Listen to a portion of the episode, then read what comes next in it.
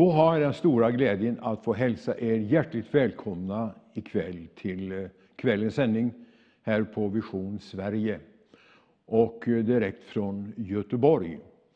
Vi är i den nya studion och den är under uppbyggnad.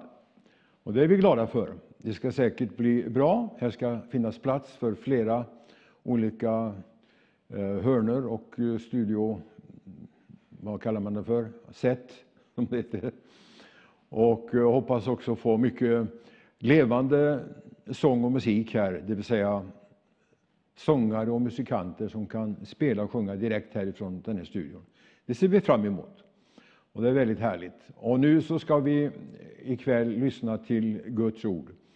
Och eh, på olika sätt ska jag försöka att frambära några tankar som har rört sig inom mig en längre tid.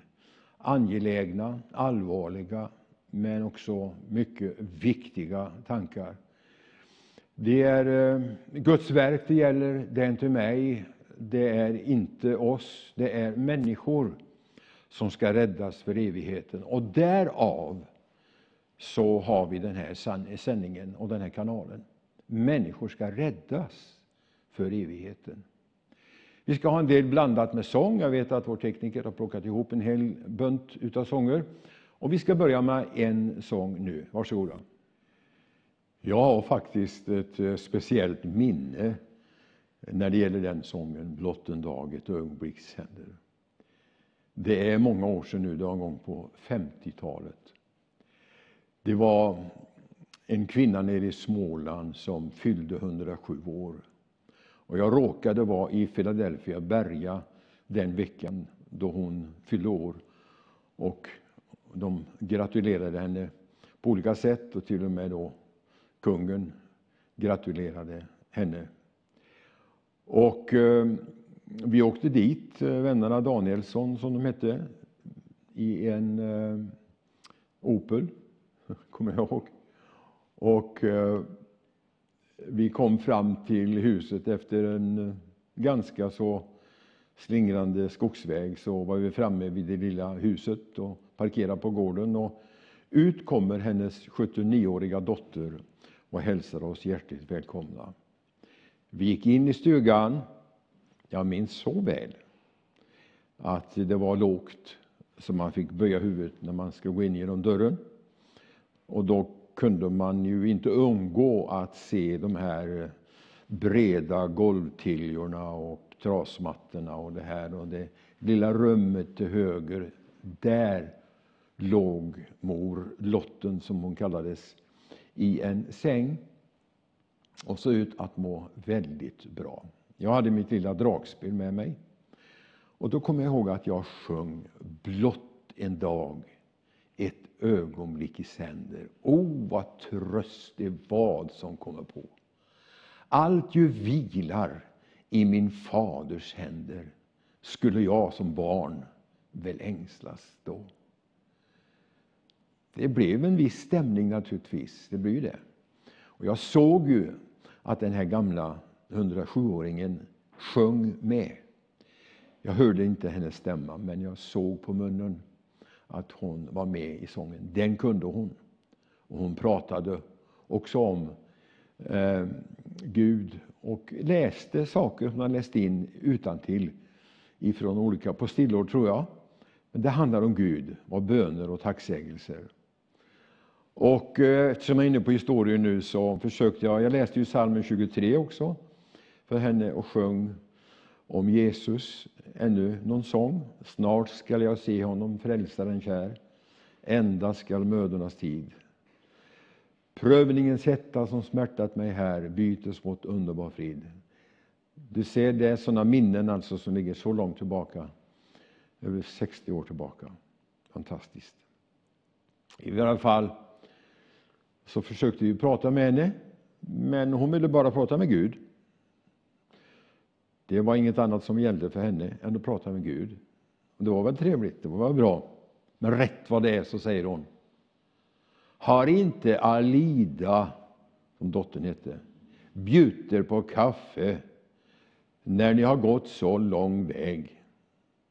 Det är det jag minns ifrån henne. Plus att jag också minns det hon återkom till. Amen, halleluja, kom Herre Jesus. Man kan ju kalla henne för Maranatasyster. Det var inget sånt som var känt på den tiden, mer än det som står i Korinthierbrevet. Och eh, jag var ju i tonåren och eh, hon var alltså så gammal. Men vi hade då, tyckte jag, någonting gemensamt. Någonting som förenade oss. Det var eh, denna känslan av närheten till Gud och att Gud var nära och, och allt det här som vi brukar säga. Eh, han är ju alltid nära. Han, han är aldrig borta. Jag ska återkomma till det sen, lite senare här i programmet. Men just detta att få uppleva då gemenskapen och, och sjunga och be tillsammans. En tonåring med en gammal 107-åring. Det finns ingen åldersskillnad i Guds rike. Det gör det inte. Men tänk att ha den tryggheten, antingen man är i tonåren eller om man har fyllt 100 eller däremellan. Att kunna sjunga allt ju vilar i min faders händer skulle jag som barn väl ängslas då. Det är en trygghet i livet att få vara ett Guds barn. Och det är vad vi är. När vi har tagit emot Jesus så har vi blivit födda på nytt till ett levande hopp. Och då är vi i eh, den familj som vi kallar för Guds familj. Och det är alltså den familjen där Gud är far. Och det är underbart. Och så har vi många, många syskon runt omkring. Vi har våra partibeteckningar och våra namn på olika församlingar och så vidare. Men när allt kommer omkring så har Gud bara en enda familj. Är du med i den familjen? Är du det? Annars så kan du bli det ikväll. Du kan komma till tro på Jesus ikväll. Acceptera honom som din frälsare och Herre. Och du kan få uppleva barnaskapet med Gud. Det är stort. Eh, vi ska ha en sång till. Jag ska säga någonting också, bara helt kort sedan, efter sången, om TV och eh, vad den betyder, den kristna TVn, vad den betyder. Men vi lyssnar först till en sång. Jesus han sa så här i eh, Matteusevangeliets 28 eh, kapitel och ifrån den eh, 19 versen. Gå därför ut och gör alla folk till lärjungar. Lägg märke till vad han säger. Gå därför ut och gör alla folk till lärjungar. Döp dem i Faderns och Sonens och den helige Andes namn och lär dem att hålla allt vad jag har befallt er. Och se, jag är med er alla dagar intill tidens ände. Detta är en viktig kallelse. Det här är inget vanligt jobb. Det här är faktiskt en gudomlig kallelse som gäller oss människor, vi individer. Det är oss det gäller. Det var dåvarande lärjungar, nu har vi blivit lärjungar och vi som lärjungar ska gå ut och göra alla folk till lärjungar. Därför är också televisionen en väldigt viktig sak när det gäller att få ut detta budskap till människor. Man kan gå till en lägenhet i taget om man vill, eller träffa en eller två, tre människor ut på gatan varje gång. Men på det här sättet så når vi in i tusentals olika hem och når tusentals människor.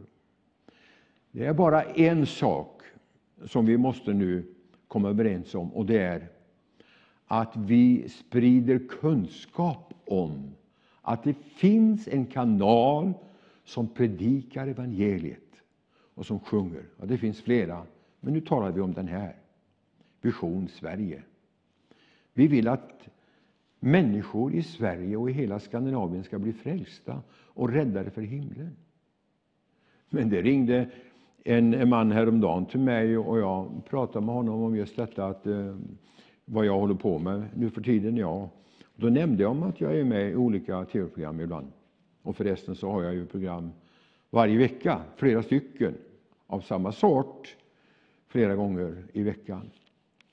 Jag ska återkomma till de tiderna sen. Men vad då, sa han. Ja, han var kristen och en ledare i en församling. Finns det en kristen tv-kanal? Hallå, tänkte jag. Du som kristen och är en av ledarna och ansvariga i församlingen vet inte ens om att det finns en kristen tv-station eller tv-kanaler. När inte de kristna riktigt alltid vet, hur ska de som inte är kristna, om de har tur eller otur att sappa för, plötsligt sappa förbi någon, oj, vad var det här för någonting? Det hoppas vi ju. Men du borde på något sätt göra det känt. Och varje församling på varje ort skulle ofta göra tv-stationerna som har ett budskap från Gud kända. Så att om man vill att man kunde se. Men för att kunna se måste man veta att de finns. Och nu finns de. Och nu finns vi här på Vision Sverige. Och det är en väldigt viktig kanal. För den har ett viktigt budskap. Och det är räddningens budskap, frälsningens budskap. De människor ska räddas för himlen. Så här pratar inte moderna kristna nu för tiden. Man ska väl inte tvinga på folk kristendomen. Det ska man visst göra. Om man tror på det man läser i Bibeln. Om att det finns en evig himmel och ett evigt helvete. Tror man inte på det, då ska man naturligtvis inte ens predika. Vad har, vad har det för uppgift i så fall? Ja, det kan ha många sociala och trevliga eh, eh fördelar. Men det är inte det det handlar om. Det handlar om evigheten. Evigheten.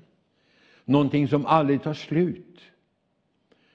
För graven är ju inte slutet och inte målet.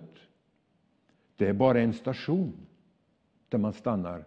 Sen, när uppståndelsen kommer, då är det frågan om vilken väg man har valt medan man levde. Det är där det avgörs. Och det är här och nu det avgörs. Och därför är det så fantastiskt bra att det är så många redan som har förstått detta, att det är så viktigt med just Vision Sverige. Så de ber för det här nu och de sprider kunskap om den här kanalen och de sänder in gåvor. När vi börjar på månaden och vi, fram till årets slut håller vi på med dessa Eh, stenar, vi kallar dem tegelstenar, som är som en mur som ska eh, styrka eh, den här kanalen. En ekonomisk satsning på 500 kronor per sten, för att använda den bilden. Jag hörde häromkvällen det var en som hade fem stenar, en som hade tio. Och Det är fantastiskt bra, det får du välja själv. Men du kan se på skärmen här, anteckna telefonnummer, swishnummer, bankgironummer och allt det här. Och så kan du vara med och göra din insats. Jag har ingen rapport som ligger till mig eh, tillhanda här just nu ikväll, men det finns säkert tillfälle sedan att återkomma om det vid eh, nästa tillfälle eller nästa vecka, vad som har skett. Men vad jag förstår så är det 50 stenar som har kommit in nu bara på de här dagarna och det är väldigt bra. Och vi hoppas att det kunde vara så att ikväll så ringer du in och så meddelar du oss och så kan det bli 50 stenar på en kväll. Det är inte alldeles omöjligt. Så jag vill nu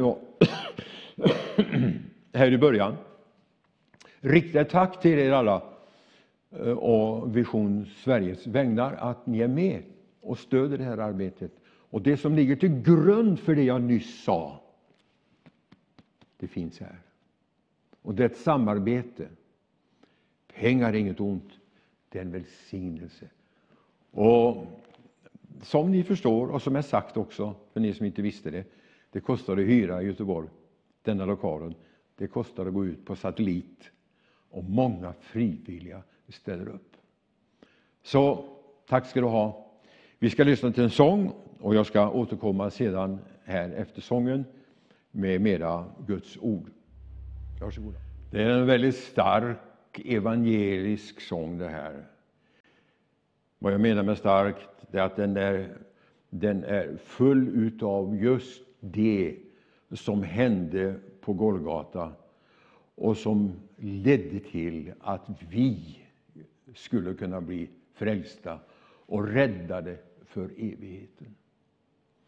En av de bästa sångerna Åge Samuelsson har skrivit. Han har skrivit många fantastiska evangeliska sånger. Här är en av de bästa, tycker jag. Det är intressant att sitta och lyssna på tv och på gudstjänster. Och nu är det inte så många gudstjänster direkt så i möten, men det förekommer ju nu och då och direktsändningar också på nätet och så vidare. Och jag har under en lång tid lagt märke till en hel del olika slags uttryck som man undrar över. Jag förstår ju egentligen vad man menar. Och meningen är ju inte nu att jag ska vara så där kritisk och mena att, att jag kan bättre än ni. Men eh, låt mig bara få göra en del observationer som jag har, som jag har gjort. Exempelvis när det gäller uttrycken att få komma in i Guds närvaro. Eller Guds närvaro var så stark. Jag kände Guds närvaro. Guds närvaro var så mäktig. Det är så underbart att få vara i Guds närvaro. Vi inbjuder dig till Guds närvaro och så vidare. Och jag hittar inte ens det ordet, närvaro, i Nya testamentet. I Gamla testamentet så förekom det ju ofta dessa saker som inte förekom i Nya testamentet. För när Jesus kom så kom han med en helt ny stil, kan man säga. En helt ny mening med hela detta att förverkliga Guds vilja på jorden. Det står ju att eh, Guds härlighet fyllde templet så prästerna kunde inte göra tjänst. Det står inget om det sedan i Nya testamentet. Men vad står det och vad säger Bibeln och Nya testamentet om just det där som jag sa om Guds närvaro? Var det inte så att man gick i Gamla testamentet gick in i Guds närvaro men att Gud sedan flyttade in i människan istället för templet. Och så blev vi tempel för den heliga Ande. Vet ni inte det, säger Bibeln, att ni är Guds tempel, era kroppar är Guds tempel och att Guds ande bor i er. Gud bor inte i hus som är gjorda med händer, står det. Han bor inte i kyrkan, i lokalen. Han gör inte det. Han bor genom tron i våra hjärtan. Och I Apostlagärningarna 17 och 28 står det i honom är det som vi rör oss och är till. Gud är ande. Det är alltid i honom vi rör oss. Och Jesus han sa, se jag är med er alla dagar intill tidens ände, läste jag här förut. Matteus 28 och 20. Jag är med er alla dagar. Och han säger på ett annat ställe, jag ska aldrig lämna er och aldrig överge er. Hörde du vad han sa? Alltid närvarande. I Jesaja står det 57, 57 kapitel, 15 vers. Han är nära den som har en ödmjuk och förkrossad ande. Ja. Var två eller tre är församlade Där är jag, sa Jesus, mitt ibland dem. Han är närvarande när vi samlas i hans namn. Och så just detta.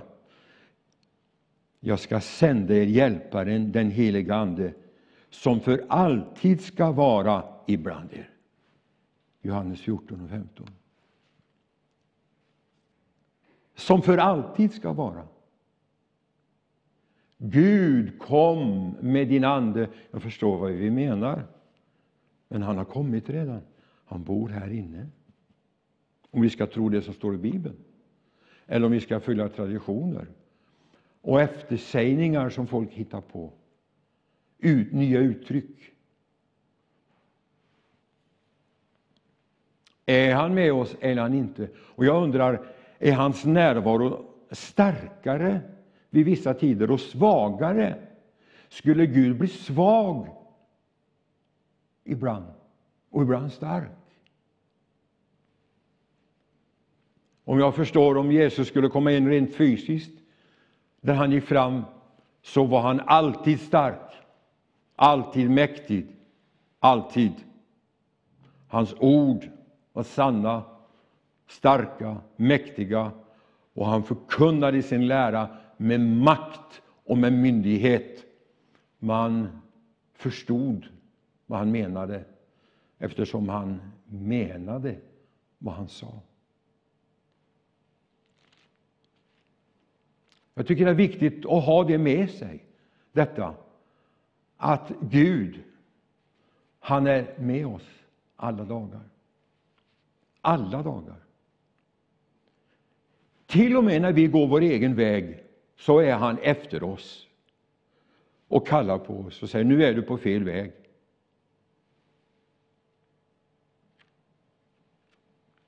Han lämnar oss inte. Det är svårt att bli av med Herren. Vi ska följa honom, men ibland så går vi vår egen väg. Vi gör vad vi själva tycker, vi bryr oss inte om att han är med. Vi glömmer det nu. Det är som att eh, om en människa går in i en affär och, och hon är benägen att stjäla, exempelvis. Det är som om man skulle sätta Jesus, nu kan du sitta här och vänta, jag ska gå in i affären bara, så kommer jag sen. Och så kan vi fortsätta vår vandring. Och så får den människan tillfälle att ta det ena och det andra. Jag såg två kvinnor i en affär en gång som eh, stod och tittade sig omkring. Jag vet inte om de var kristna eller vad de var, det har inte med saken att göra just nu. Men de såg en del saker och så ingen såg dem. Och de stappade i väskan så här. Och så tog de något annat och så gick de och betalade det de hade tagit och så det andra nämnde de inte om. Är det så en kristen ska leva? Att man ska tro att man gör någonting i skymundan. Det går inte att placera honom utanför. Nej. Och skulle han, skulle han eh, på, på, något sätt eh, uppträda som om han inte vore med, det är svårt Kanske lustigt att säga så, men du kanske tänker, ja, men nu ser inte han mig, så nu kan jag göra vad jag vill. Det är inte så. Han är med alla dagar. Vet vad vi tänker. Ja, han sa det till lärjungarna. Vad är det ni tänker i era hjärtan? Vad är det ni står och tänker på? Och så avslöjade han deras tankar för att hjälpa dem. Det var inte det att han ville anklaga dem, men han ville hjälpa dem till ett rätt sinnelag. Och nu när Hjälparen, den helige Ande, bor i oss vill den hjälpa oss att leva för honom. Att tjäna honom. Att vara lärjungar. Att göra det han har sagt vi ska göra. Hjälparen, den helige Ande, är alltid med Därför säger Paulus, förnyas nu genom Anden. Förnya, förnyas genom Anden som bor var någonstans? I ert sinne. Var någonstans i det här legemet, eh, ska jag säga på norsk, kroppen, Var, var finns den heliga Ande? Är den i, är den i hjärttrakten, i lungorna eller var finns den? Ja, det är ett mysterium, men att den finns där. Och framför allt i sinnet, för det är det som är den andliga människans hjärta. Det är sinnet. Det här hjärtat som finns, det pumpar blod runt i kroppen och håller kroppen igång. Men det andliga hjärtat tror jag är sinnet. För där kommer tankarna, därifrån kommer orden, därifrån kommer gärningarna. Och fyller vi vårt sinne med något annat och placerar den heliga Ande på sidan och låter vår egoism och själviskhet ta över, då hamnar vi galet. Ja, men har inte du fel och brister då? Absolut, tyvärr. Visst har jag det. Jag är också en svag människa. Jag har den gamla Adam som jag försöker hålla på plats ständigt. För den, den heliga Ande är starkare. Och om vi vandrar i Anden, står det, så ska vi inte göra köttets gärningar. Men placerar vi Anden åt sidan, då kommer vi att göra det som köttet och sinnet vill. Om vi har ett köttsligt sinne. Men om vi leds av den heliga Ande, så vandrar vi i seger. Och det är klart att om vi gör ett fel, säger ett fel, om vi gör synd, då går vi till Gud och säger jag är ledsen, jag är så bedrövad över detta och jag ber dig om förlåtelse och rening. Då gör han det, då förlåter han och då renar han. Det ska du veta. Men vi försvarar inte våra synder och försöker gömma undan dem, utan vi lägger dem fram inför honom och så tar han hand om dem. Och när han tar hand om synderna så tror att han kastar dem bakom sin rygg. Det är en fullkomlig frälsning. Det står till och med i Gamla testamentet att så långt som öster är från väster låter han våra överträdelser vara fjärran ifrån oss. Och det är ju för väl att det inte står norr och söder, för då finns det ju poler där som gör att, eh, ja, då finns de där. När vi kommer till Nordpolen och vi skickar dem till Sydpolen, då finns de ju där. Men om vi skickar dem öster eller väster så finns det ingen pol, alltså de är borta. Han utplånar synderna. Halleluja! I kraft av Jesu Kristi blod och i kraft av Jesu försoning. Andra uttryck som, som jag vill inte kritisera, som jag säger, men jag vill bara göra en observation. Jag har hört predikanter, eh, kanske mest i USA, du måste vara hungrig. Du måste vara törstig. Du måste få mera från Gud. Du måste få mer av Guds ande. Ja, det kan man ju tolka på olika sätt. Men var står det någonstans att du måste vara hungrig? Du måste vara törstig. Men det står, Jesus han säger i Johannes sjätte kapitel, den som kommer till mig skall aldrig törsta eller hungra.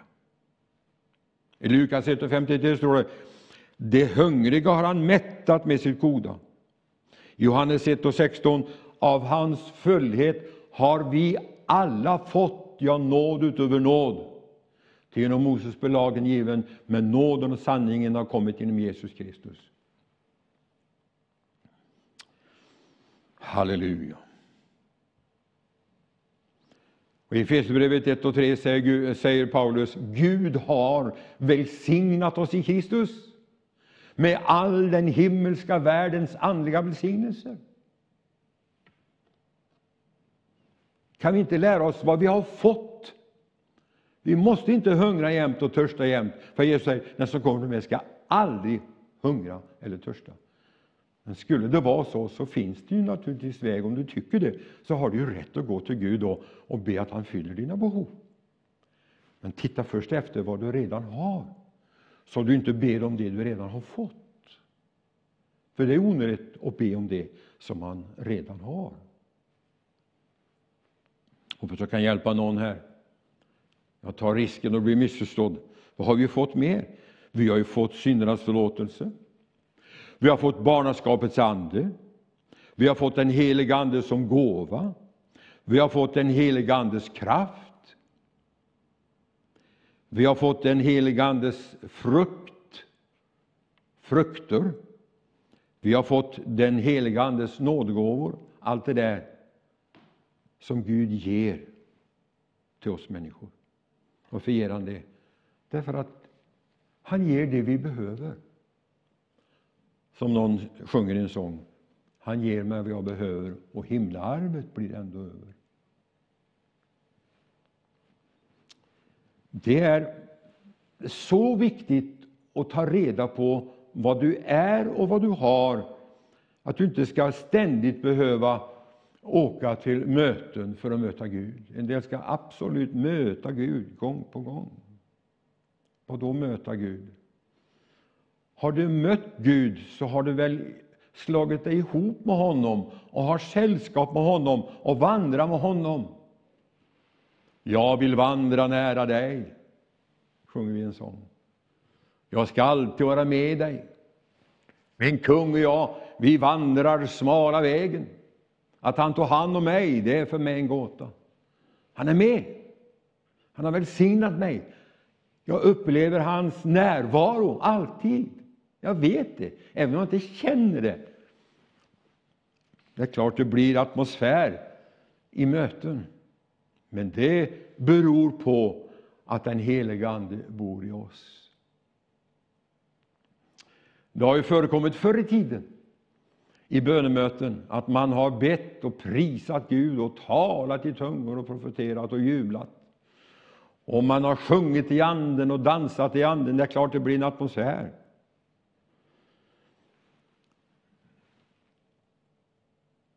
Varför inte leva i det? Det står, jag tänkte på ett ord när jag åkte till studien idag. Det står i salmen att den som förtröstar på Herren, han är lik ett träd som är planterat vid vattenbäckar och bär sin frukt i sin tid.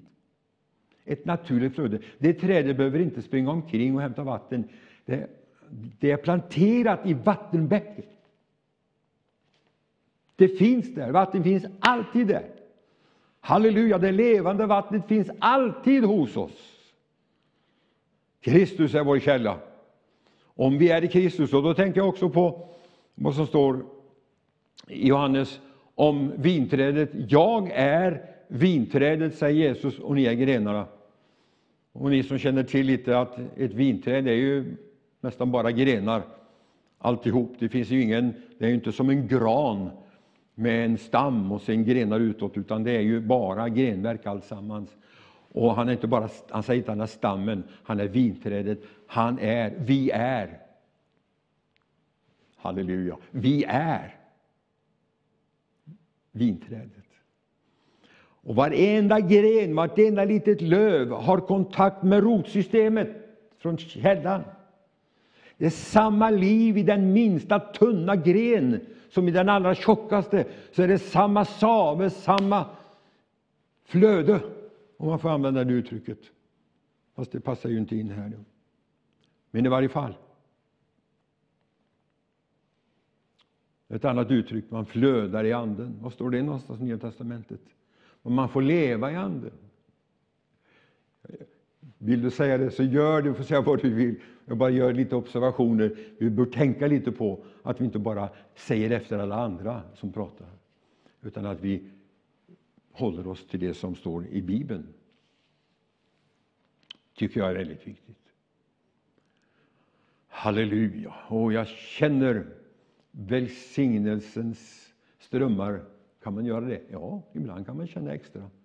Men vi lever aldrig på känslor. Vi, vi förtröstar inte på känslorna. Men det är gott att känna det gott. För ibland är man trött, men så han ger den trötte kraft. Och då känns det bättre, eller hur? Man kan bli trött i det andliga livet, man kan bli trött i kroppen och, och så vidare. Det finns orsaker till det, men Jesus själv blev trött. Men han satte sig och vila. Ja.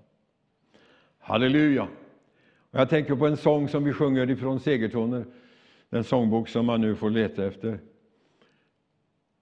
Jag lever vid källan för varje minut. Av nåd är jag lycklig och säll. Planterad vid vatten som ej sinnar ut, jag grönskar i levnadens kväll. Är inte gott att få ha det så? Om vi är nu lemmar i kroppen, inte i kropparna, men i lemmar i Kristus, som inte är en fysisk kropp utan en, en andlig kropp kan man säga, en, en andlig organism som har gemenskap med Kristus som är huvudet och vi har gemenskap med varandra. Och samma signaler kommer från Kristus, från huvudet, via kroppen. Vi flyttar inte utanför, utan hans ande bor i oss. Vi, vi vandrar och lever ett naturligt Kristusliv. Halleluja. Ja, det är klart att vi får lov att be om det vi inte har. Men tro inte, sa Jesus, att ni blir bönhörda för era många ords skull. Det är inte de många orden som gör det. Det är inte längden på bönen som är viktig. Det är själva innehållet och behovet som nämns. Det som är viktigt. Tänk på den spetälske som hade stått där nere i sin ensamhet på grund av sin spetälska. Umgicks han inte med andra människor. Fick inte, lagen sa ifrån. Han stod där i sitt hörn och hörde Jesus när han stod på berget och höll den så kallade bergspredikan. Eller hur? Då säger Jesus bland annat, be och ni ska få, sök och ni ska finna. Den som klappar, för den ska bli upplåtet. Ja. Det står det att när Jesus gick ner från berget så kom den spetälske och kastade sig ner där i landsvägsdammet så det ryker omkring honom i sanden. Och så säger han, Herre, vill du så kan du göra mig ren. Det var hans bön. Det var inte det Ja, nu har jag hört dig och du har sagt så, det är det ena med det andra och, och förklarat för Gud, för Jesus att de, och jag har hört om dig och nu undrar jag om du verkligen... Och så lägger han ut massa ord och håller på för det ska bli en skön och vacker bön. Herre, vill du så kan du göra mig ren. Och Jesus fattar vad han menar och visar sin villighet och sin makt och säger Jag vill bli ren. Och så blev han ren i ett och samma ögonblick. Och I ett annat sammanhang så är det några blinda som ropar Herre, låt mig få min syn. Ja, vad vill jag att jag ska göra, sa Jesus. Vad vill ni att jag ska göra för dig? Herre, låt mig få min syn. Det var allt vad han ber om. Och så sker det. Hav din syn, sa Jesus. Och så får han den. Det är så enkelt när man läser Bibeln. Vi behöver, inte, vi behöver absolut inte förklara med massor av ord. Han, förrän ett ord står det på vårt, eh, våra läppar så vet han vad vi behöver. Han vet det. Han känner till våra behov.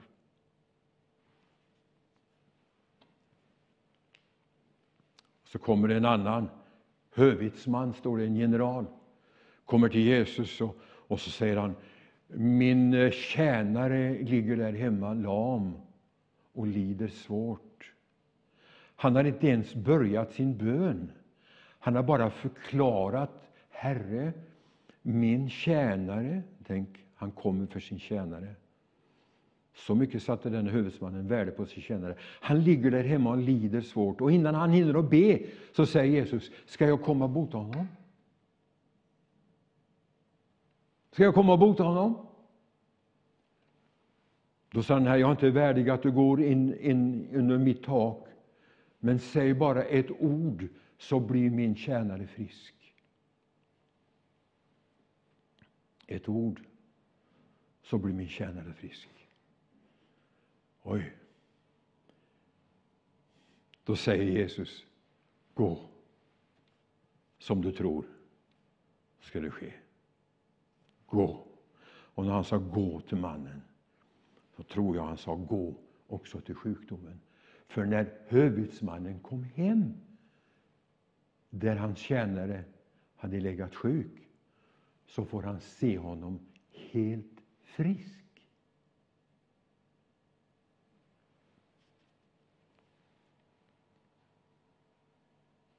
Amen. Han får se honom frisk. Allt har vänt. Ett ord från Jesus och knappt en bön ifrån mannen. Och absolut ingen bön från den sjuke själv. Och Jesus beundrar den här husmannen. Han säger Oj, jag har inte funnit så stor tro som du har. Hur förklarar han den? Ja, han säger så här att jag är en man som står under den andras befäl. Jag har också krigsmän under mig. Om jag säger till en kom, så kommer han. Och säger jag till en gå, så går han. Han visste vad det var att ha makt. Den här hövitsmannen, alltså. Han visste det. Han förklarar sin tro. Om jag säger kom, så kommer han. Gå, så går han. Säg bara ett ord. Och det var då Jesus sa gå. Som du tror ska det ske. Och så skedde det. Jag önskar så att vi skulle upptäcka enkelheten å ena sidan och makten å andra sidan och kraften i det här enkla, vardagliga samtalet med Gud. Vi behöver inte trissa upp det och hålla på med en massa lustigheter och visa oss på något speciellt andliga. Utan det räcker att vara naturlig inför Gud, för han ser igenom all, allt det här som vi plåstrar på oss. Enkelheten hos Jesus.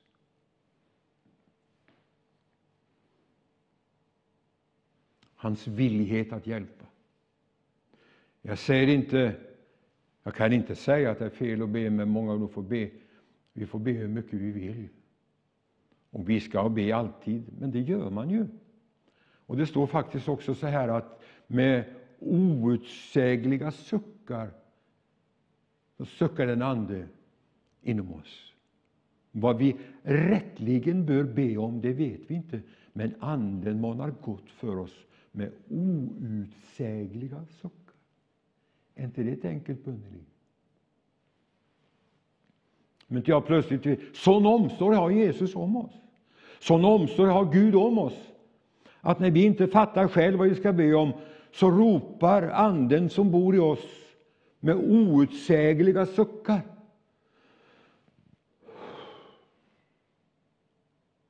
Om jag står och pratar med någon och så drar jag en suck så här. Då säger hon, vad var det? Varför gjorde du så? Det var någonting som jag sa som jag inte sa. Gud förstår, Gud vet vad du behöver. Vi ska komma in på lite mera strax här. Men just detta är så viktigt att vi då också gör det han säger. Att vi lyder honom. Att vi inte hittar på något annat, utan att vi gör exakt det som han har sagt vi ska göra. Jag känner för att vi vill ha en sång nu, och så ska jag återkomma och tala lite mer. Ja, det var Kingsmen. Det blir lite teknisk eh, pludder där, men det är sånt som händer. Det är inte farligt. Men i alla fall så ska vi strax ha en sång till utav Kingsmen. Vi hade tänkt att ha med oss de här andra som jag tycker så mycket om, den här trion som heter The Boot Brothers. Men eh, det får vi ta vid ett senare tillfälle. Men jag skulle bara vilja säga, innan vi får en sång till av, av Kingsman nu, så tycker jag så här att du ska gå till telefon och säga det att eh, jag vill vara med och stödja den här kanalen. Jag vill, jag vill ge en summa på, på 500 eller 5000 eller någonting i den vägen. Eh, var med och ring in och stöd den här kanalen. Det behövs så, eh, så väl, och speciellt nu här i själva övergången till en ny studio. Det är långt ifrån färdigt här nu. Det är mycket arbete kvar att göra. Och allt sker ju på frivillighetens väg. Så att det är väldigt viktigt att vi gör det vi kan. Så jag vill säga tack för att du är med och att du stöder arbetet. Jag ska fortsätta och tala lite Guds ord sedan här, men först så lyssnar vi till Kingsmen igen. När det gäller vår uppgift som kristna, som eh, församling och som predikanter, pastorer, evangelister, då tycker jag det är väldigt intressant att gå tillbaka till Bibeln och titta när Jesus kallade sina lärjungar, vad han gjorde med dem och jag tror han vill göra detsamma med oss. Eller vad tror du? Om man går till Matteus tionde kapitel exempelvis och läser, så vill jag läsa några versar här. Det står Jesus kallade till sig sina tolv lärjungar och gav dem makt att driva ut orena andar och att bota alla slags sjukdomar och krämpor. Och så kommer namnen på dem, behöver inte läsa. Dessa tolv sände Jesus ut och han befallde dem Gå inte in på hedningarnas område eller in i någon samaritisk stad. Gå istället till de förlorade fåren av Israels hus. Och där ni går fram ska ni predika. Där ni går fram ska ni predika. Vad då? Himmelriket är nu här. Du vet, när Johannes predikade ut i öknen så, han, så sa han himmelriket är nära. Och så kom Jesus in i bilden och då sa Jesus, nu är himmelriket här.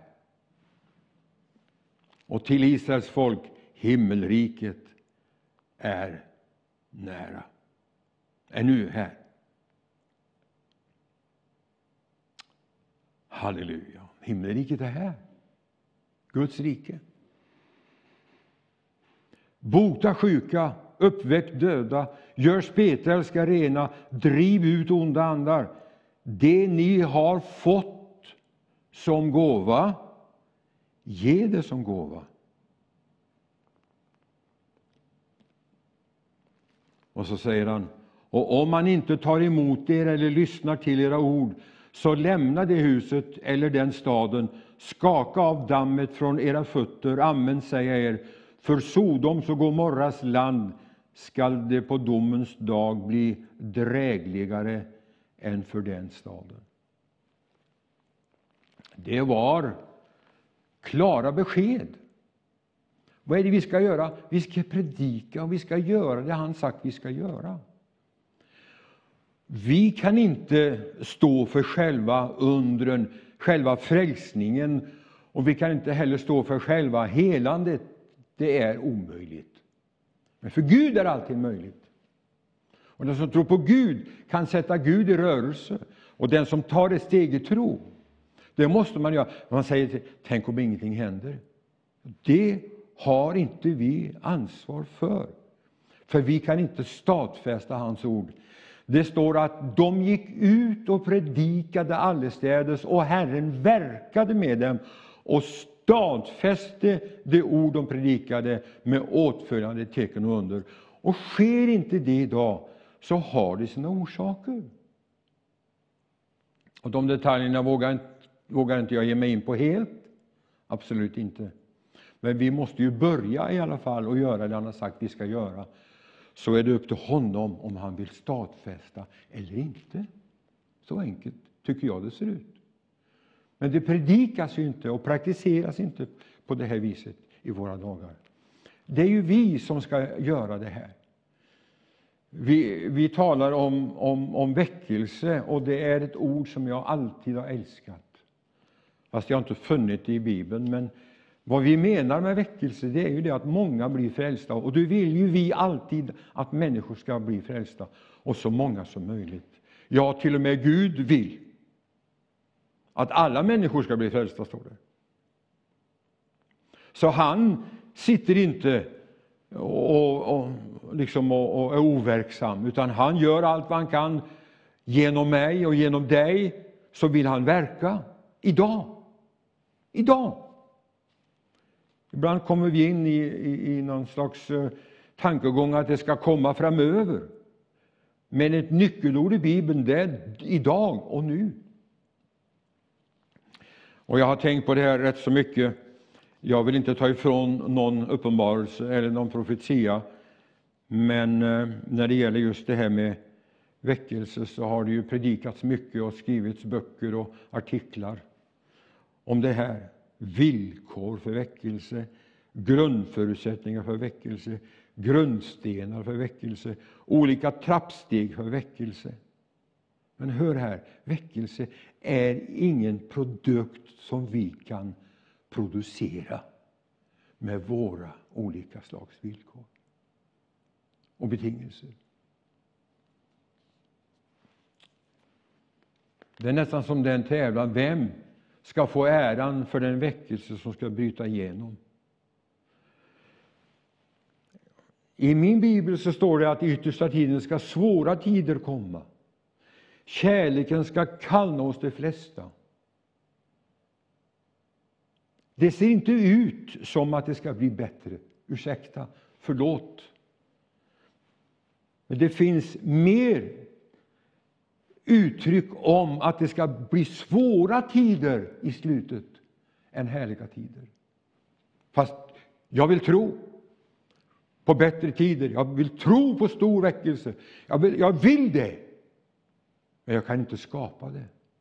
Men jag och du, vi kan vara ett redskap i hans hand för att väcka människor. Det är inte Gud som ska väcka människor. Det är jag och det är du. Han säger, gå ut i hela världen och predika evangelium. Vi ska gå ut. Jesus sa till sina lärjungar, följ mig så ska jag göra er till människofiskare. Jag ska göra er till vad då? Människofiskare. Och ska man fiska så bör man ju ta tag i det redskap som krävs och det agn som behövs för att fiska. Och så måste man göra någonting. Man kan inte bara sitta och drömma. Man kan exempelvis inte ro ut på sjön, eh, på insjön eller på havet och, och, och, så sätta sig där plötsligt och säga Käre Gud, sänd fisk in i båten. Ja, det vore väl underbart. Men det fungerar inte på det sättet. Men på ditt ord lägger vi ut näten. Vi måste lägga ut näten. Och det som lärjungarna sa till Jesus. På ditt ord, vi lägger ut näten. För han sa, lägg ut näten på den högra sidan. Ni lägger ut dem på vänstra. Det spelar ingen roll, men just att de gjorde som han sa. Det låter ju lite dåraktigt, men det, det, det, det är inte dåraktigt att göra som Gud säger, även om det ser dåraktigt ut. Vad som är riktigt dåraktigt när det är fiske, det är om man får riktigt bra med fisk en gång. Och så tänker man, ja, här måste jag komma ihåg nästa gång. Och så skär jag ett, ett, ett märke i båten. Och säger, det var här jag var, när jag fick, på den här sidan fick. Så nästa gång kommer jag hit på samma ställe. Det är ju dåligt, det är dåraktigt. Det är svårt att upprepa det man en gång har varit med om också i Guds rike. Jag har nu en del erfarenhet då jag har firat, eller kan fira om jag nu vill. Jag har inte gjort något särskilt firande av det. Men det är faktiskt 65 års erfarenhet sedan jag gick ut på fältet, som man sa, på skördefältet. Gå, gå, skörde man gå, sjöng man i bibelskolan. Ut att den ädla säden så. Och ska man få skörd så måste man först så, eller någon annan så. Man kan inte bara gå ut på åkern och säga käre Gud, låt det växa nu här. Och jag ber i tro att det ska växa. Du måste så. Lägg märke till vad Jesus säger, att det är vi som ska göra det. Det är vi som ska gå ut, det är vi som ska predika. Där ni går fram ska ni predika. Det vill säga proklamera, undervisa, ge människorna kunskap. Det är vi som ska ge människorna kunskap. om vad Gud vill med dem. Han sänder inga änglar från himlen. Även om det ibland kommer duktiga predikanter från Amerika, så är inte de lösningen. Och ibland är det falska profeter. Vi ser inte till människor på det sättet, vare sig det är amerikaner eller afrikaner eller om det är svenskar. Utan vi, vi ser uppåt och vi ser vad Gud vill. dig. det. Jag sa att jag hade erfarenhet. Jag vet lite. När jag blev frälst den kvällen, söndagskvällen 1953 i december. Vad gjorde jag då? Jag gick ner till honom som jag hade pratat med om frälsning, fast jag inte var frälst. Och sa, nu har jag blivit frälst. Och du sa att om du blir frälst så ska jag också bli frälst. Och nu tycker jag du ska bli det, för nu är jag det. Och för att göra en lång historia kort, som man brukar säga, så blev han frälst den kvällen. Därför att jag inbjöd honom. Det var min första kärve, så att säga. Sen dess har jag hållit på.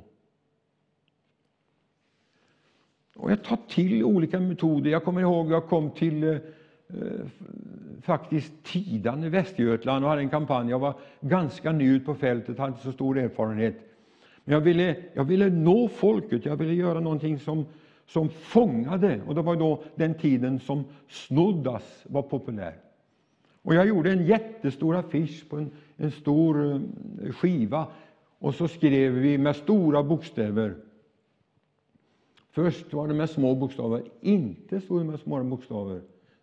Och sen stod det med stora bokstäver, snoddas. Stod det. inte. Sen kom nära så.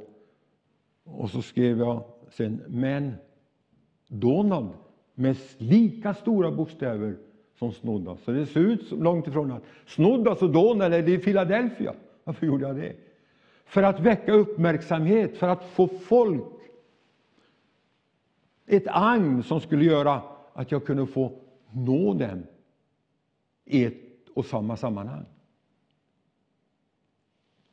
Det var en av bröderna i församlingen som hjälpte mig. Där stod den stora skylten. Inte snoddas, men Donald i Philadelphia. Kom och hör evangelium som kan förvandla.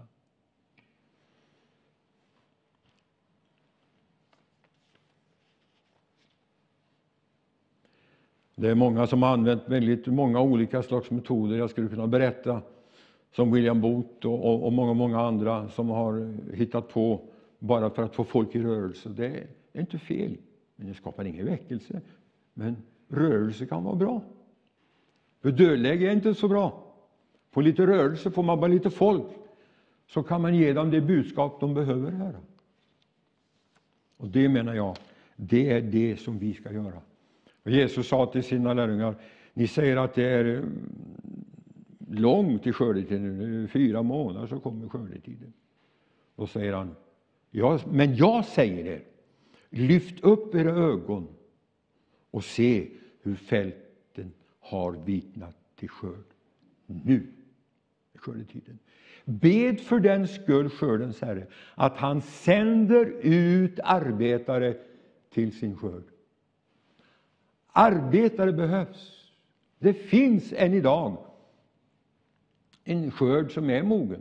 Alla är inte mogna, men det finns individer som, som är mogna, som vi måste nå. Det finns de som är bearbetade ifrån barndomen och ungdomen, men de kommer sig inte för att gå till kyrkan. För där är ju de den kristna, och där sitter de och sjunger sina sånger och hör sina predikningar, och de kommer sig inte dit. Men det är någonting som rör sig. Så när de kommer i kontakt med en kristen, då kan det bli, då kan det hända någonting.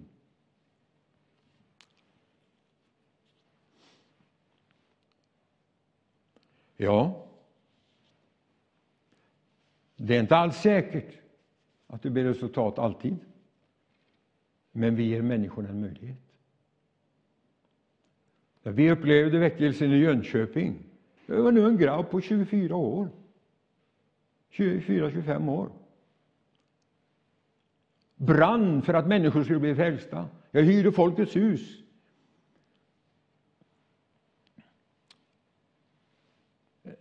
Vi bildade en församling som ville stå med och vinna människor.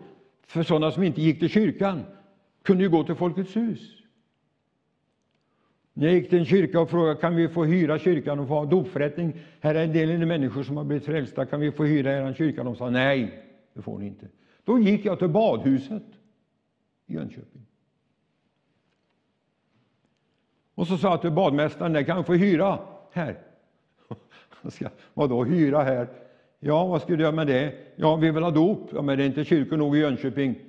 Ja, de vill inte ge oss vatten, så jag. Vill du? Ja. Och vi fick reklam utav tidningarna. Bannlysta predikanter döper i badhus. Vi hade massa folk. Vi döpte några nyfrälsta. Sen ordnade vi en balja till människor eh, som skulle döpas. Och den drog vi in dels i danslokalen Rigoletto som rymde omkring 700 personer. Och det kom folk nyfrälsta och det kom folk som hade varit frälsta i många år men som inte hade tagit dopet och ville bli frälsta. Och jag minns en gammal dam som kom ifrån Frälsningsarmén. Hon var eh, rätt så upp i åren. Över 80 år. Och då är man upp, då är man upp i åren, eller hur? Ja. Så vill pastor Donald döpa mig i vatten, för jag vill bli döpt, sa hon. Ja, så det vill jag gärna. Ja, jag har blivit så övertygad om att jag måste göra det. För Jesus eh, sa ju det att vi skulle låta döpa oss och då vill jag göra det, sa hon. Det är inte fel. Nej, jag sa det är inte fel. Ja. Men jag tyckte synd om den gamla damen. Jag sa, det är inte så enkelt precis, sa jag. Det, vi har en stor tank och så har vi en trapp upp och så en trapp ner som vi ska gå ner. Det, är lite, det kan vara lite besvärligt. Och, och så där. Det gör ingenting, sa hon, gammal som hon var och trög i benen. Jag är villig. Och så hade vi det dopet. Och nästa möte så kom hon fram till förbön och, ville att jag skulle be för henne nu och tacka Gud. Ska vi be att du blir andedöpt också då, sa jag. nej, nej, nej, nej, nej. Så, vi får ta lite åt gången. Det var lite humor i det där tycker jag. Jaha. Men hon var med och prisade Gud. Ni hyrde idrottshuset för att nå människor. En ung man på 25 år. Jag hade en vision. Jag hade en passion. Och jag hade en kallelse. Och andra föraktade, såg ner på oss, kallade oss för djävulens hantlangare och det ena med det andra. Att vi var besatta av onda andar och vi splittrade Guds församling. Jag vet ingen församling som blir splittrad. Att en och, och, några lämnade någon och gick med oss för att vinna människor för Gud. Det är en helt annan sak, det är ingen splittring. Löjligt. Men vi fortsatte. Vi köpte ett tält. Ut på soptippen sätter vi upp tältet. Bad för människor. Vi sjöng Jesus är här, han är här för att frälsa. En del ville, en del ville inte. Och så är det alltid. En kväll kunde det komma en eller två eller flera. En annan kväll kunde det inte komma någon. Men det var lika härliga möten. Åh, det var atmosfär, det var kraft, det var sång, det var musik. Folk trängdes i bänkarna. Men det är på människans vilja det beror om man ska bli frälst. Vi måste ge dem tillfälle. Jesus sa den som vill han kommer. Den som vill, han kommer. Där har du det. Det kan vara hur härliga möten som helst, men det är bara den som vill komma som kommer. Gud tvingar ingen, även om anden är mäktigt utgjuten, som vi brukar säga, och att förkunnelsen är stark, radikal. Det är på människans vilja det beror. Det blev ett annorlunda program ikväll, men det får inte hjälpas. Jag tror det har sitt värde.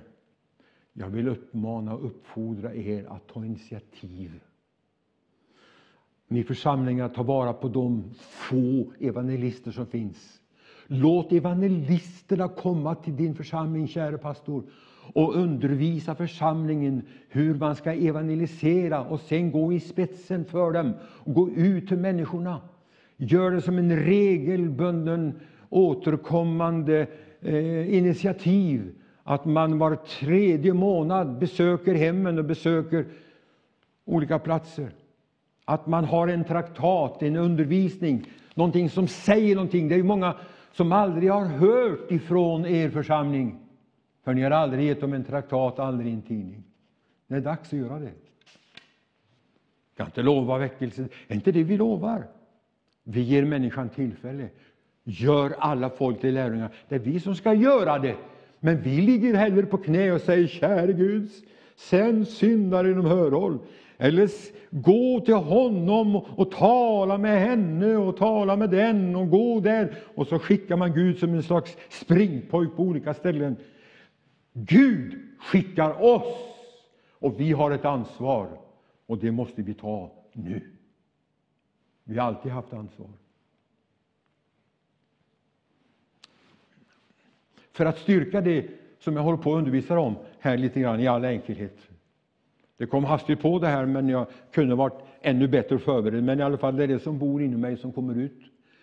Jag kom här till Göteborg till Gilead som evangelist. Vi kallade hit då på 70-talets början. Och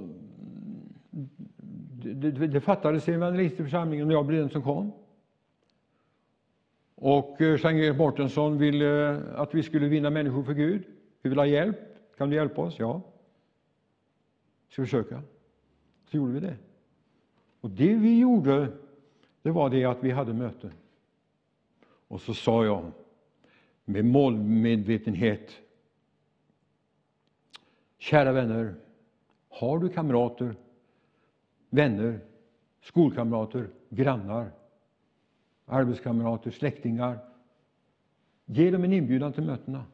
De får komma här och höra sången och musiken och predikan. Och så började den ene efter den andra att ta med sig. Det skedde. Det var ett skeende. Jag kan aldrig minnas vi sa käre Gud, sänd oss väckelse. Vi gick ut och gjorde vad han sa. Folk kom till mötena. Istället för lilla bönerummet, eller lilla doprum, omklädningsrummet eh, till bönesal så öppnar vi lilla salen istället. Så, ta med dig din vän, fråga honom om han vill bli frälst. Ta med den in i bönerummet där så ska vi be till Gud för dem. Och de gjorde det. Och de bad. Den ene efter den andra blev frälst. Vecka efter vecka. Alltid var det någon som kom. Inga stora skaror. Men en dag och en. Och jag kan berätta detaljer hur man på olika sätt tog med sig sina kompisar och kamrater. Som blev förvandlade. Som fick uppgifter i Guds rike som aldrig annars skulle ha kanske ha kommit om inte vi hade nått dem. Missionärer och, och så vidare. Ja. Och för några år sedan när Anders Olsson var pastor i Gileadkyrkan och Connect hette det då på den tiden kanske. Hette Gileadförsamlingen fortfarande just då. Så sa han till mig en dag när jag kom förbi där att jag har sett i en av våra protokoll och böcker och rapporter lite grann. Ni hade ju en väldig framgång här. Det var inte vi som hade framgång, det var Guds ord som hade framgång. Ja, men ni, ni bar ju för mycket folk, för ni döpte ju mellan 80 90 stycken, har jag sett det här året. Ja, det gjorde vi. Och hur många vi döpte de andra kommer jag inte ihåg, men bara på ett år. Och procentuellt var det väldigt mycket. Det var nog mest i landet. Varför det? Det var inte för att Donald Bergegård var där. Det var därför att Kristi kropp fungerade och att ordet verkade. Följ mig, sa Jesus, så ska jag göra er till människofiskare. Vi ska bedja. Men ska man få skörd så måste man först så. Och vi ska be skördens Herre att han sänder ut arbetare till skörden. Jag, jag är mycket, jag kan säga imponerad av den satsning som har gjorts utav Världen idag. Om ett magasin som gick ut här för en tid sedan. En massa hem. Och nu läste jag att Staxets bok ska delas ut i tusentals exemplar. Undervisning. Så ut! När jag gick i skolan så hade vi kristendomsundervisning i skolan plus att vi hade söndagsskola och vi hade barnmöten, ungdomsmöten, juniormöten och det hela med det andra. Det fanns inte mycket annat att gå på än bio och dans på den tiden. Inte hade du tv eller någonting hemma. Men den grund man fick både i söndagsskola och i barnmöten och i skolan vi hade ju kristendomsundervisning i skolan som läxa och fick lära oss psalmversar. Ingen av oss blev sämre för det. Tack och lov för att jag fick höra evangelium på det sättet. Och Det tycker jag är underbart att idag så vill jag inspirera till något liknande söndagsskola, något liknande barnmöten, men med ett budskap. Himmelriket är nära. För när vi satt i barnmötena, förstår du, då, då var det inga eh, silkesvantar, precis som man nu får uttrycka mig lite vårdslöst kanske. Jag menar inte att man ska dundra på folk heller och absolut inte på barn. Men vi fick en mjuk och fin undervisning om att hjärtat kan bli rent genom Jesu blod om vi kan få förlåtelse för våra synder och bli frälsta i unga år. Och slippa det där svarta hjärtat som leder till fördärvet och som inte Gud tycker om att vi ska leva. Vi ska inte ljuga, vi ska inte svära, vi ska inte göra det. Idag predikas det ingenting om sånt. Och långt ifrån barnmötena. Bevara för. Det sägs inte någonting om om, några synder. Oj, vi ska inte säga syndare, vi ska säga sökare. För folk kan bli stötta i kanten och fly. Det är precis tvärtom. Johannes han undervisade, han, Johannes undervisade i eh, öknen. Folket kom i stora skaror ut till honom för att höra honom. Och han predikade de skulle göra bättring. Han drog upp synderna för dem.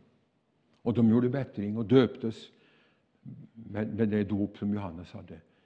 Som en, mark, som en markering på att nu börjar jag ett annat liv kom fariséer och saduséer dit också och ville bli döpta. Haha. Han skulle bli imponerad. Åh, kommer ni? Ja, vad trevligt. Det ska bli en förmån att döpa. Han visste vad de gick för. Han såg. Han var profet.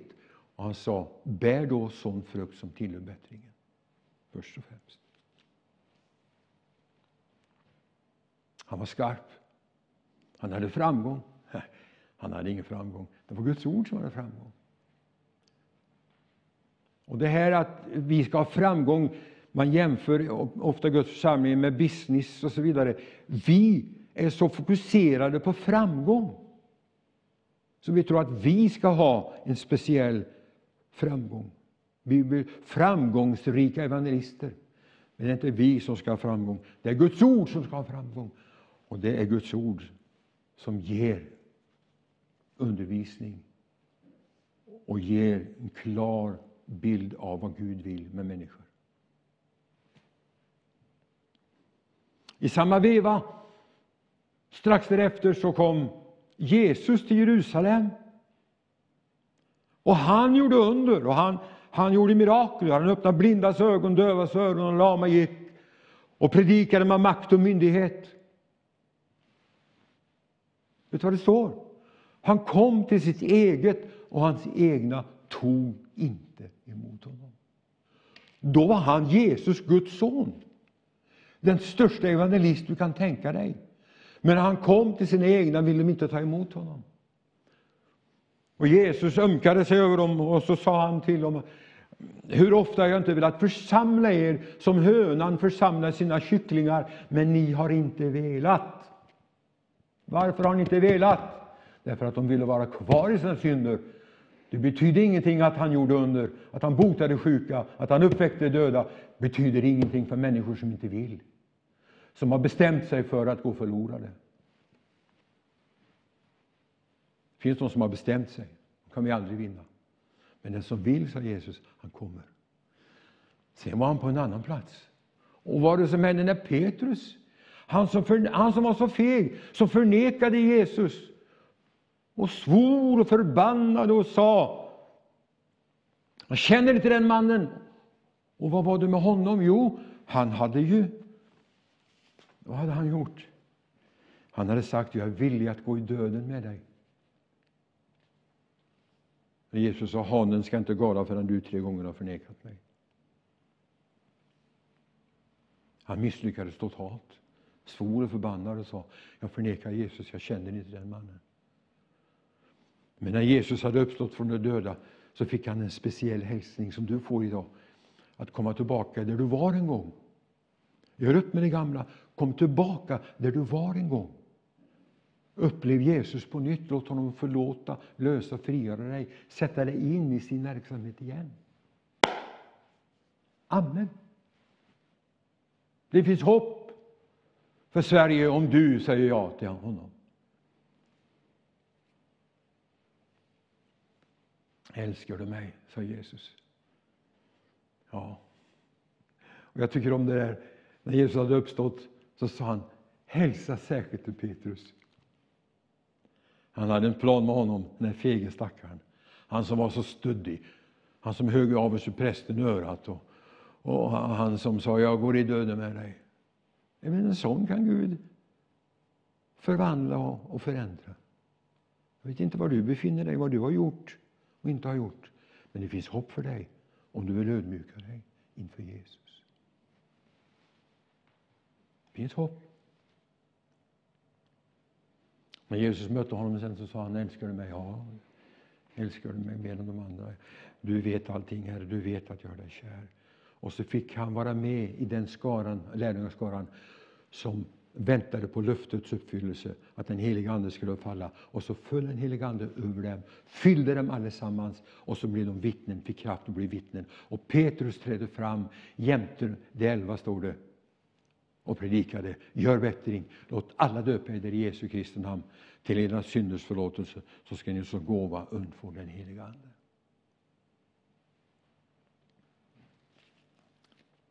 Om man, ska, om man ska se det så, så hade ju Petrus mer framgång än Jesus hade. Vad berodde det på?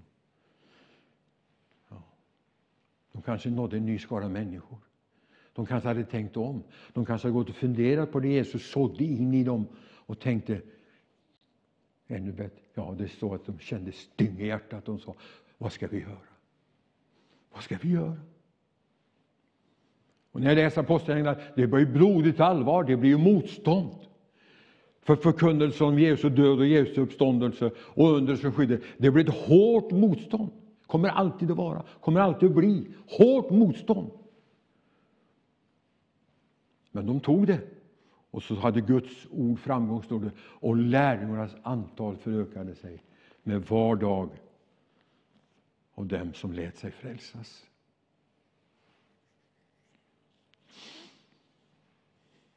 Det kan vi få uppleva i Sverige. Gud välsigne alla förebedjare. Men jag tycker det är lite allvarligt om man ska berömma, ja han är en väldig bedjare och hon är en väldig bedjare. Vad står det att vi ska göra på det viset? Vi ska gå in i vår kammare, och stänga en dörr och be. Inte ska vi visa, inte ska vi berömma bedjarna. Vi ska uppmuntra alla som vill be, men vi ska inte ära dem. Åh, sa han, han är en riktig bönegeneral. Var står det någonstans? Är det folk som är ute efter egen ära? Jag har bett så mycket, jag har gjort så mycket. Nej, vi får lägga ner det där och så får vi ödmjuka oss och så vi säga Herre, här är jag, sänd mig. Låt ett kol få beröra mina läppar så jag kan säga det som är rätt, säga det som är av Gud. Och att jag kan säga det med kärlek och med frimodighet. Det är ju ingen som tror nu för tiden att det finns ett helvete. Massor av predikanter tror inte det finns varken himmel eller helvete. Så packa ihop dina prylar och lämna platsen åt någon annan som tror på Guds ord. Det är inte många som tror på det idag. Det hörs aldrig, man säger ingenting. Ska vi inte varna, hjälpa, vägleda människorna? Det är det vi ska göra. Och därför så behövs du. Så har du gått din egen väg, vänd om. Har du övergivit din första kärlek, vänd om. Få tillbaka den kärleken. Och älskar ni mig, säger Jesus, så håller ni mina bud. Då håller ni mina bud och då gör ni vad jag sagt ni ska göra. Och om vi skulle göra det, om vi skulle skapa information till människor flera gånger om året, skriftligen, muntligen, så är det större chans att fler ska räddas för himlen. Men om vi bara ska briljera med våra stora böner och, och det ska bli en stor väckelse som aldrig förr. Han kunde väl börja med den som har varit förr, det skulle inte vara dåligt, eller hur? Det skulle vara bra om du, som har dessa stora visioner om framtiden, började idag eller imorgon och kontakta någon. Kanske du kunde vinna någon medan du väntar på den stora väckelsen. Det största uppvaknandet kommer att bli när Jesus har kommit och då är det för sent. Då kommer folk att förstå. Då kommer folk att vakna. Precis som den mannen som Jesus talar om, den rike mannen som vaknade upp i dödsriket och sa sänd Lazarus. Han doppa sitt yttersta av sitt finger i vatten och svalka min tunga till jag pinas svårt i dessa lågor. Det går inte, fick han till svar. Ja, men sänd honom ner och varna mina, mina, mina bröder. Min fars hus. Varna mina bröder. För sent. Det som var redo, står det, gick in med honom till bröllopet och då dörren stängdes igen. Och när dörren stängs igen, då är den stängd.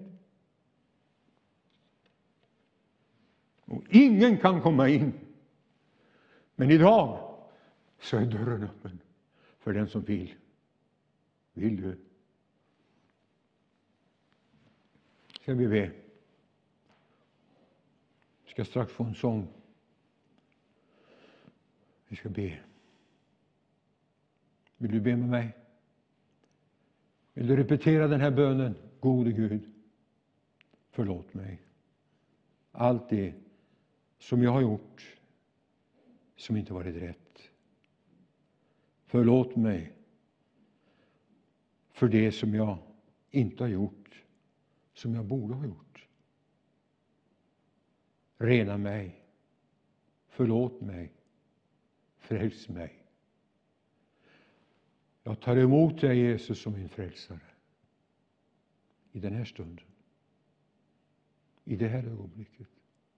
Så väljer jag att följa dig. Bevara mig, styrk mig, led mig, ta hand om mig. Allt ju vilar i min faders händer skulle jag som barn förängslas då.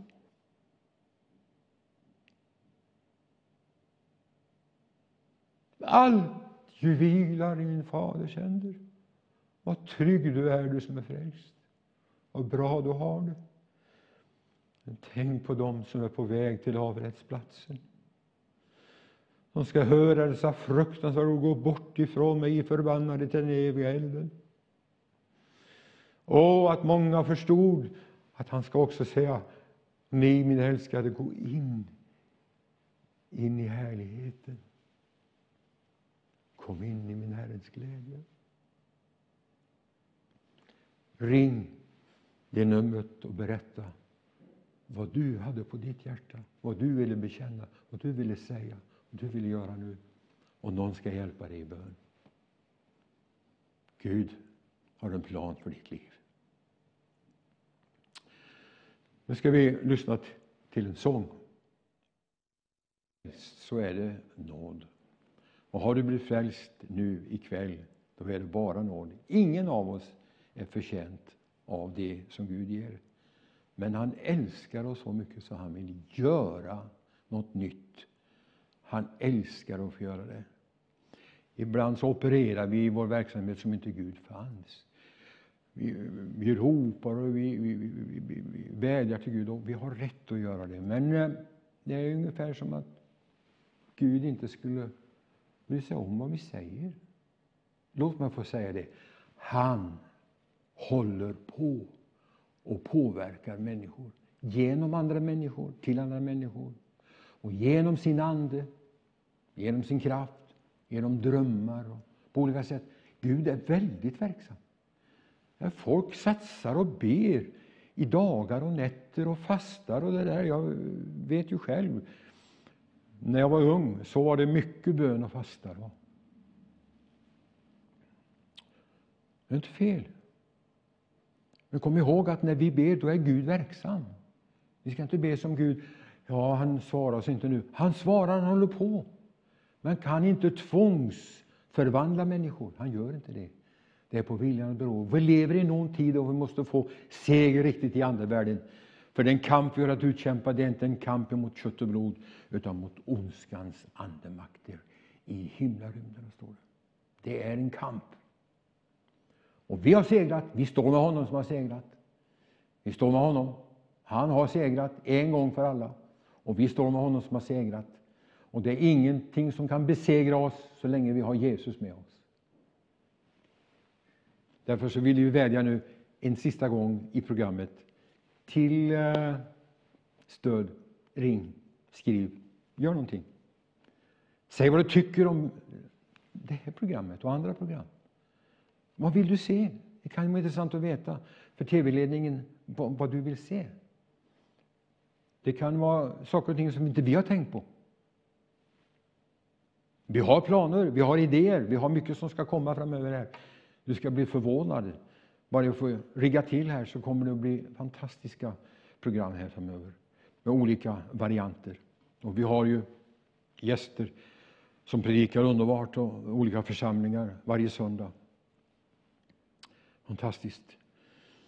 Nu på fredag på Vision Norge, där jag har varit med nu i många år, kommer ett speciellt program klockan 18 som Alf Henning intervjuar mig på. Det måste ni komma ihåg att titta på.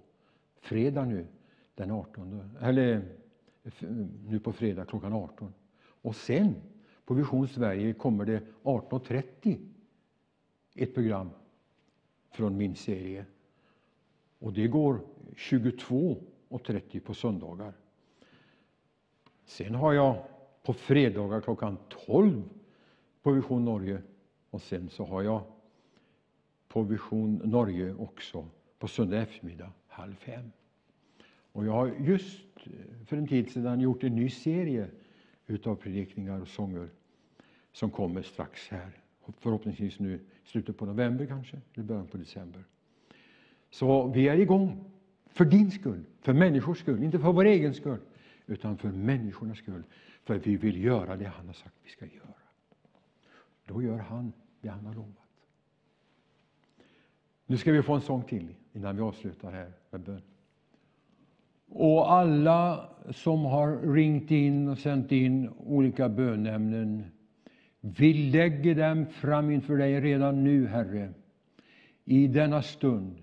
Alla som har sagt be för mig, alla som har beskrivit sina olika behov.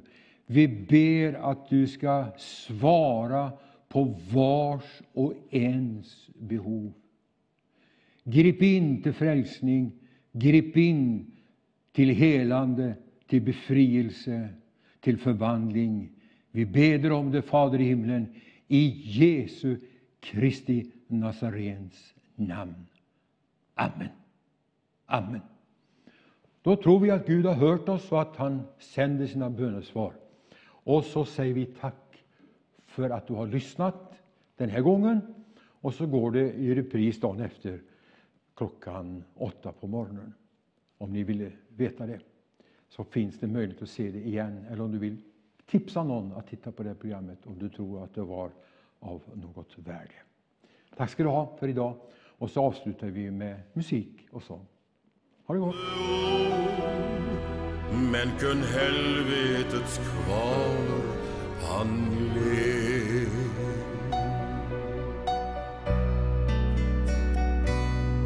Når det naglene slog i hans händer och ben kunde detta väl vara Guds son blodet rann från hans son. Men så helig och ren